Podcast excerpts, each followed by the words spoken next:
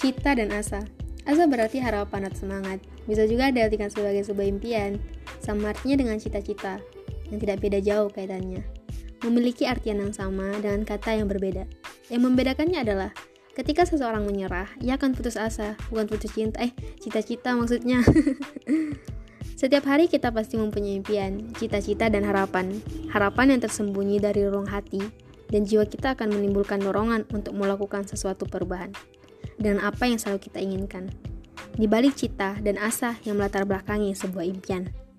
Semua berawal dari impian dan indah pada waktunya.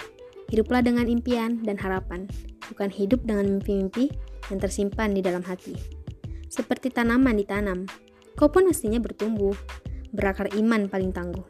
Dipupuk dengan asa, hingga kelak cita dan asa, menghasilkan bunga, kemudian menjadi buah yang membuat kita bahagia. Sungguh, Keberhasilan bukanlah hal mudah dipetik, namun sebuah usaha mekar di tanah yang sabar.